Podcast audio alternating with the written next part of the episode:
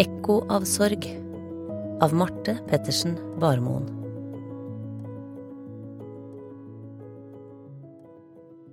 August 2019 Det er studiestart, og alle tredjeårsstudentene på sykepleien deltar på et seminar. Jeg sitter sammen med de andre i forelesningssalen da jeg plutselig kjenner at pulsen stiger. Hun som står på talerstolen, er det ikke noe kjent med stemmen hennes? Er det ikke noe kjent med ansiktet? Hvor har jeg dette mennesket fra?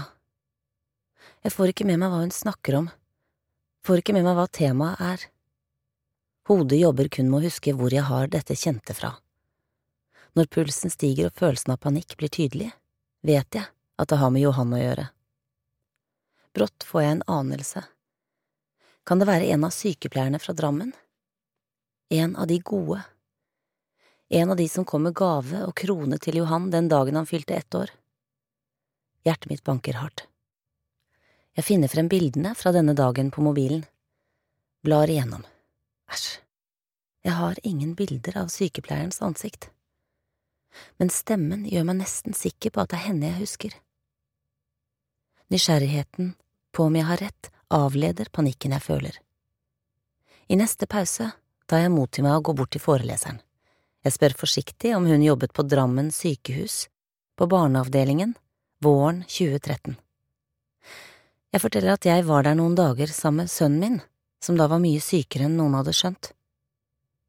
Før jeg får sagt noe mer, sier hun, Er du mammaen til Johan? Tårene mine renner. Tenk at hun husker. Verdens vakreste Johan har kapret hjertene til alle han har møtt. Noen dager før Johan ble ett år, ble han hasteinnlagt på sykehuset. Først var han i Drammen, men ble etter noen dager, på ettårsdagen, overført til Rikshospitalets barneintensiv. Der ble det avdekket at han hadde en svært alvorlig immunsykdom, og at livet hans hang i en tynn tråd. Vi, min kone Anette og jeg, bodde på Rikshospitalet sammen med ham i åtte måneder. I perioder var han så syk at vi ikke kunne holde ham, ikke stryke eller berøre ham, men vi hadde hele tiden et håp et håp om at det skulle gå bra. I midten av desember snakket vi om at vi kanskje kunne få ta med Johan mer hjem etter nyttår, men 25. desember 2013 ble Johan akutt dårligere, og han døde i armene våre på rom 4038, ett år og nesten åtte måneder gammel. Etter at Johan døde, virket livet meningsløst og jeg dro ofte tilbake til barneintensiven på Riksen. Det føltes trygt, samtidig som jeg kunne tenke for meg selv at Johan fortsatt lå bak døren der, og at jeg bare ikke fikk lov til å besøke han akkurat nå. Stresset i kroppen var jo det samme som før han døde, og dette stresset var på en måte mer normalt og lettere å håndtere der inne i sykehusgangene enn ute i det vanlige livet. Samtidig ga det å være nær noen av sykepleierne meg en merkelig form for trygghet. Et sted inni meg skjønte jeg at dette ikke var sunt i lengden. Jeg kunne ikke dra til Riksen hver dag. Det lå noe patologisk bak det hele. Angsten og desperasjonen i kroppen var blitt så stor, og jeg skjønte at jeg måtte gjøre noe, men jeg ville bare ta meg én tur til.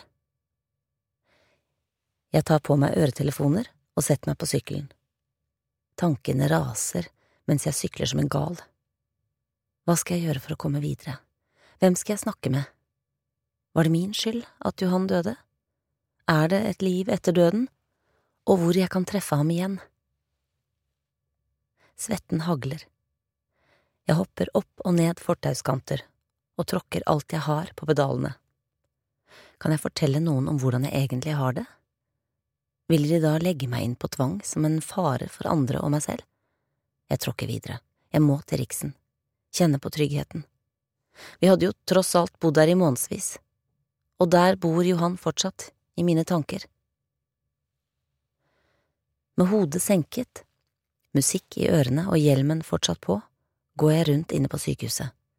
Til slutt havner jeg på avdelingen innerst, borterst. I korridoren møter jeg på en av barnekardiologene. Hun ser forbauset på meg. Hva gjorde jeg her nå? Jeg er full av valium og våt av svette etter sykkelturen. Ja, hva gjør jeg her, egentlig, jeg klarer ikke å svare. Legen geleider meg vennlig inn på kontoret sitt. Jeg setter meg på en stol og griner. Griner og griner. Det virker umulig å stoppe. Legen, som hadde vært flink til å følge oss opp da vi bodde på sykehuset, skjønner at jeg trenger oppfølging på utsiden også. Hun leter i telefonlisten sin og ringer en psykolog. Jeg sitter der full av skam, angst og takknemlighet. Jeg trenger visst mer hjelp enn jeg trodde. En uke senere kom brevet med navnet på psykologen jeg hadde fått time hos. Jeg kjente umiddelbart på en mistro. Hvem var nå dette mennesket? Kunne jeg fortelle alt til henne? Kona mi og jeg pleier å spøke med at å bo på sykehus i åtte måneder er en sosiologisk studie i seg selv. Det hadde også gjort meg skeptisk til nytt helsepersonell. Vi hadde både sett og fått føle på kroppen om legene og sykepleierne var kompetente og omsorgsfulle eller ikke. Var psykologen en av de gode, kunne jeg stole på henne? De negative tankene tok stadig for stor plass, og jeg kvernet videre. Kom hun til å legge meg inn? Eller kom hun til å tenke at dette var da en voldsom reaksjon på livet, barn dør jo rett som det er? Jeg skalv, og hjertet slo hardt da jeg satt på venterommet til psykologen. Nå var jeg liksom offisielt blitt gal. Jeg følte meg så udugelig som ikke hadde klart å passe på verken Johan eller meg selv. Dette var en tanke som kom tilbake igjen og igjen. Dette med at jeg burde ha visst. Jeg burde ha oppdaget. Jeg burde ha gjort noe annerledes. Jeg var full av skyld og selvanklage. Det hjalp ikke at jeg fornuftsmessig sa til meg selv at jeg ikke kunne ha forhindret det som skjedde med Johan. Jeg husker ikke mye fra det første møtet med psykolog Kirsten. Det som først og fremst sitter igjen, er at hun fortalte at om vi ikke kom overens med hverandre, og jeg ikke følte at jeg kunne stole på henne, så kunne jeg bare bytte til en annen. Jeg syntes det var en grei innstilling, og så ble jeg glad for at hun var dansk. En dansk sykepleier på Riksen hadde vært så dyktig og gitt så mye trygghet til både Johan og oss. Bare det at psykologen var dansk, gjorde meg tryggere på henne. Jeg visste ikke da at Kirsten skulle følge meg i flere år. Og noen ganger tenker jeg at hvis jeg ikke hadde hatt Kirsten i livet mitt, hadde jeg kanskje ikke levd i dag. Hun hjalp meg med å forstå noe av bakgrunnen for alle de sterke reaksjonene mine, og hvordan de traumatiske erfaringene fortsatt kunne dukke opp og slå meg helt ut. Det var ekko av sorg. Først fem innblåsninger, Videre 30 ganger 2 til hjertet slår igjen, 30 kompresjoner og to innblåsninger, sier instruktøren mens hun demonstrerer på en dukke som skal forestille et lite barn. Det store klasserommet er fullt av forventningsfulle sykepleierstudenter. Vi har nettopp begynt på studiet og er delt inn i små grupper for å gjennomgå hjerte- og lungeredning. Hjertet hamrer i brystet. Dette kom helt uventet på meg. Jeg trodde ikke vi skulle trene hjerte- og lungeredning på barn allerede nå. Angsten velter opp. Heldigvis skjer øvingen nede på gulvet. Jeg tror ikke bena ville holde meg oppe. Hodet mitt fylles av opplevelsen vi hadde på Riksen et drøyt halvår tidligere. Hjertet mitt slår så det føles som om hele meg rister. Jeg må sette meg på hendene mine for at ingen skal se hvor mye jeg skjelver. Så slår det meg at studentene og instruktøren bruker for lite kraft. Skal jeg rekke opp hånda og si at de må bruke mer kraft i hver kompresjon? Jeg husker hvordan de to anestesilegene gjorde kompresjonene på Johan, hvordan den lille kroppen hans beveget seg voldsomt i sykehussengen under hver kompresjon. Inntrykkene fra første juledag 2013 raser gjennom hele kroppen min. Detaljer jeg ikke hadde husket før, dukker plutselig opp og overvelder meg. Jeg rakk aldri opp hånda. Angsten var for stor, og noe i meg sa at jeg måtte holde kjeft. Jeg kunne jo ikke skremme alle disse unge studentene fra å bli sykepleiere, og langt mindre skremme dem fra å bli foreldre med en grusom historie om at barnet ditt kan dø. Jeg aner fortsatt ikke om jeg gjennomførte mine 30 ganger to. 30 ganger to. Men angsten slapp ikke taket, og på vei hjem skiftet ulike scenarioer i hodet mitt. Skremmende opplevelser fra sykehuset blandet seg med tankene på hva jeg kunne gjort annerledes for å redde Johan. Hva var det jeg ikke hadde fått med meg? Jeg begynte å angre på valget om å begynne på sykepleien.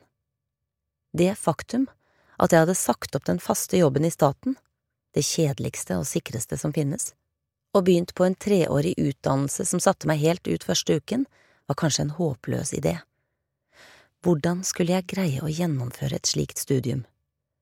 Langt mindre jobbe som sykepleier når jeg ble så påvirket og satt ut allerede fra start. Jeg følte meg som verdens verste menneske. Jeg hadde ikke klart å redde Johan, og nå skulle jeg liksom bli sykepleier ute i den virkelige verden. I månedene etter at Johan døde, hadde jeg tatt noen viktige avgjørelser for fremtiden. Jeg ville begynne på sykepleierstudiet, og jeg ville forsøke å få et nytt barn.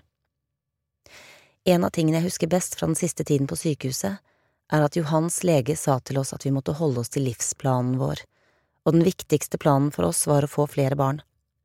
Tanken på å kun ha et keisersnittarr og ikke ha et levende barn var vond for meg. Arret på magen var som en påminnelse om alt det vonde som skjedde med Johan og oss. Psykologtimene med Kirsten var viktige, for hun støttet meg i at jeg skulle gi meg selv en sjanse. På grunn av genfeilen som vi ikke ante fantes da jeg var gravid med Johan, og som jeg var bærer av, fikk vi muligheten til PGD-behandling, der eggene gentestes. Prosessen med PGD-reisene våre til Ullevål og siden til Karolinska i Stockholm kunne vært en egen historie. Den var spennende, håpefull og krevende, både fysisk og psykisk. Heldigvis hadde jeg Kirsten med meg i prosessen. Det gikk mange e-poster frem og tilbake mellom henne og meg.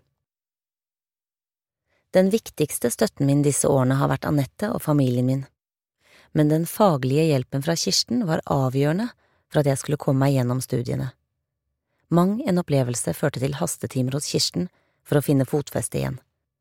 Ønsket om å gjennomføre, ønsket om å klare det, ønsket om mer normalitet, og tvilen på om jeg var sterk nok, gikk hånd i hånd.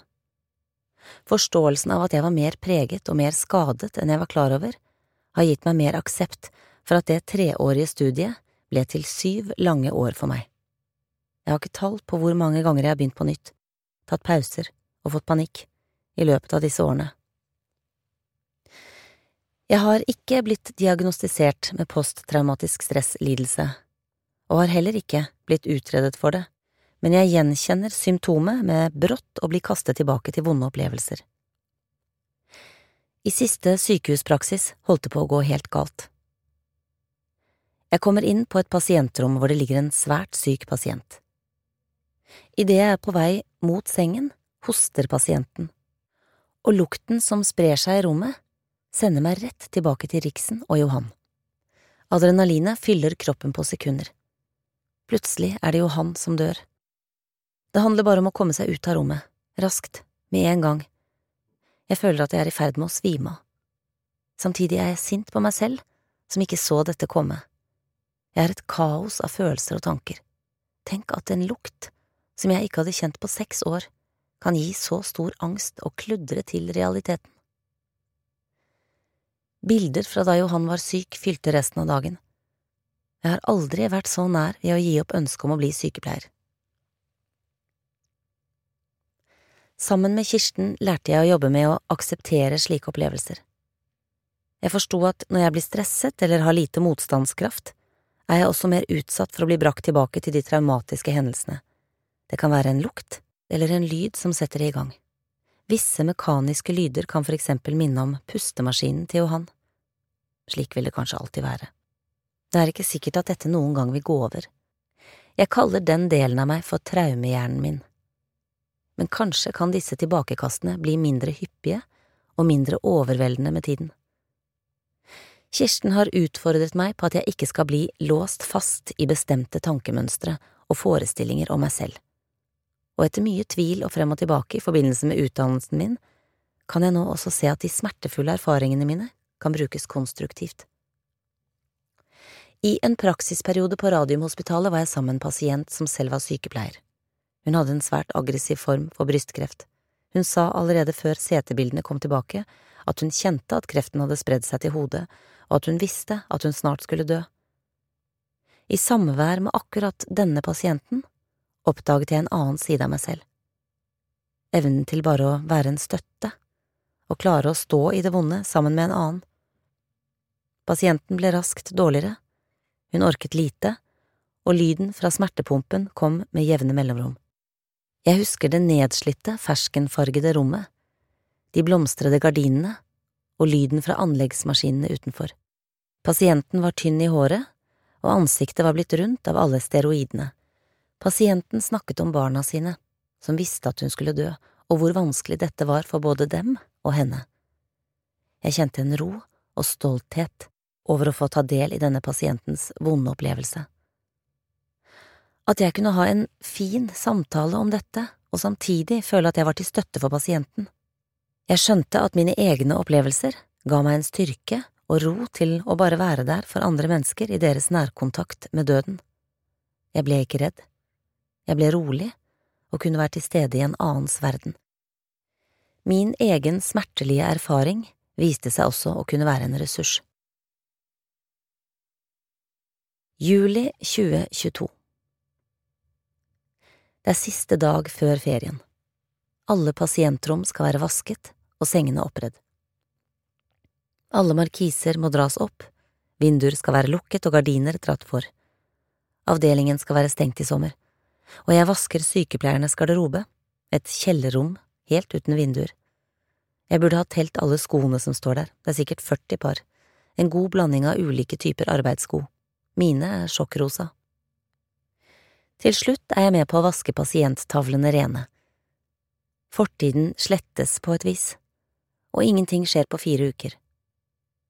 Vi samarbeider to og to, og latteren sitter løst. Kaffen smaker ekstra godt i dag, det er sol ute og straks ferie. På søndag pakker vi bilen og reiser først til Hamar, siden til hytta ved Tyrifjorden. August, seks år, har hatt sin siste dag i barnehagen og har laget en tegning på rødt papir til de ansatte. Fra høsten blir han skolegutt, men fra skolegården kan han vinke over til barnehagen og tvillingene Magnus og Ingrid på fire. De har en storebror de aldri fikk møte. 27. april i år skulle Johan ha fylt ti år. Jeg savner ham. Jeg husker ikke lenger hvordan han luktet, eller den trillende latteren vi har på film, men jeg husker følelsen det ga meg. I vår lille familie snakker vi ofte om Johan. Bildet hans henger på veggen på linje med de tre andre. Jeg har fortsatt sporadisk kontakt med Kirsten. Det viser seg at dette uforutsigbare livet plutselig kan gi meg noen saftige utfordringer. Det å akseptere ikke å ha kontroll sliter jeg til tider fortsatt mye med, særlig i oppoverbakker med lite søvn og mye stress, eller når en av mine nærmeste blir syke. Da kan de vonde tankene komme tilbake, tankene om skyld og hva jeg kunne ha gjort annerledes, og ikke minst angsten for at det skal skje noe med August, Magnus og Ingrid. Når angsten blir for stor, dytter den liksom bort den aksepten jeg har bygd opp, og jeg trenger i perioder at noen forteller meg at det ikke var min skyld at Johan døde, at han hadde en sykdom jeg på ingen måte kunne påvirke. Jeg prøver å lære meg selvmedfølelse og en forståelse for at jeg er preget av det som hendte for ni år siden. Det å skrive denne historien har vært en god prosess for meg. Arbeidet har brakt frem hele registeret av følelser. Men det er med stolthet jeg skriver. Jeg er glad for at jeg kan dele Johan med flere. Det er viktig for meg at han fortsetter å finnes. I månedene etter Johan døde, tenkte jeg mye på at det var så få mennesker som hadde fått truffet ham, så få som hadde fått opplevd og blitt kjent med dette perfekte barnet som var mitt så et par uker før Johan ville fylt to år, sendte jeg et brev til kongen. Jeg la ved bilder og fortalte om det som hadde skjedd, og hvor godt vi var blitt behandlet på barneintensiven. Det var både en hyllest til de ansatte på avdelingen og et ønske om at den lille sønnen min skulle etterlate seg spor. Alle brev som sendes til slottet, blir arkivert. Om kongen visste om Johan og brevet var registrert der, da ville jo han på en måte alltid finnes. Han er mitt ekko av kjærlighet.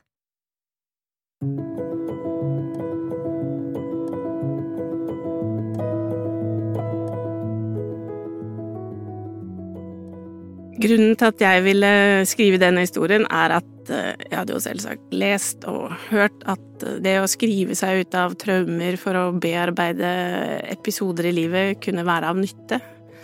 Så når jeg så at Lube hadde et skrivekurs, så tenkte jeg at ah, det kan jeg prøve meg på, det, det blir sikkert gøy. Og skummelt. Og spennende. Jeg ville også dele jo han med, med resten av verden.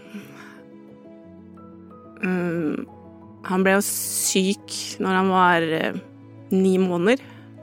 Så begynte han å få feber, så vi kunne ikke gå ut eller måtte være mye inne. Og denne feberen gikk aldri over, og vips så var vi på Drammen, og vips så var vi på Riksen, og der ble vi værende så å si til han døde. Så det var så få mennesker som hadde fått truffet han og sett han, og jeg syntes jo det var verdens vakreste gutt. Og det var han jo også. Så det å få anledning til å fortelle om han til resten av verden, fortelle hva han sto i, hva vi sto i, det tenkte jeg at eh, var en god måte å både få bearbeide det vi hadde opplevd, og, og vise han frem. Jeg kan fortelle litt om hva det har gjort med meg å skrive denne historien. Etter Johan døde, så har jeg både slitt med å akseptere det som skjedde på sykehuset, akseptere at han er død, derav terapien og mye god hjelp. Men det å akseptere hvordan jeg har reagert i ettertid, at jeg plutselig blir kastet inn i situasjoner jeg ikke ønsker, det det har, det har, blitt bedre etter at jeg har skrevet denne historien. Helt sikkert sammen med terapien, men dog. På førsten så kunne jeg fortelle om alt som skjedde på sykehuset på en liksom mekanisk måte. Helt uten Jeg la helt lokk på alle følelsene. Og nå siste, siste året Jeg har brukt lang tid på å skrive denne historien i denne pandemitiden. Eh, så har det faktisk vært Jeg har blitt mer berørt selv av å fortelle om det. Og det er vanskelig å fortelle om episoder på sykehuset eller tenke på Johan uten å bli trist. Men det som er fint, er at jeg blir mye fortere glad igjen.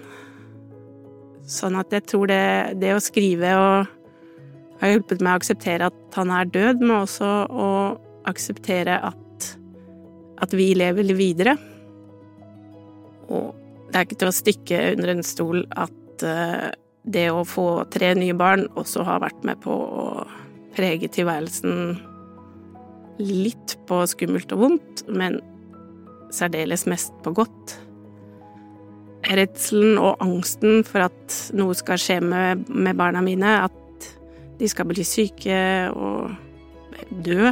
Uh, det trumfes nå av gleden og kjærligheten jeg har til barna, og hva det gir meg å være sammen med de og følge de opp, og sånn at det blir mindre og mindre skummelt og mer og mer fylt av eh, normalitet og glede.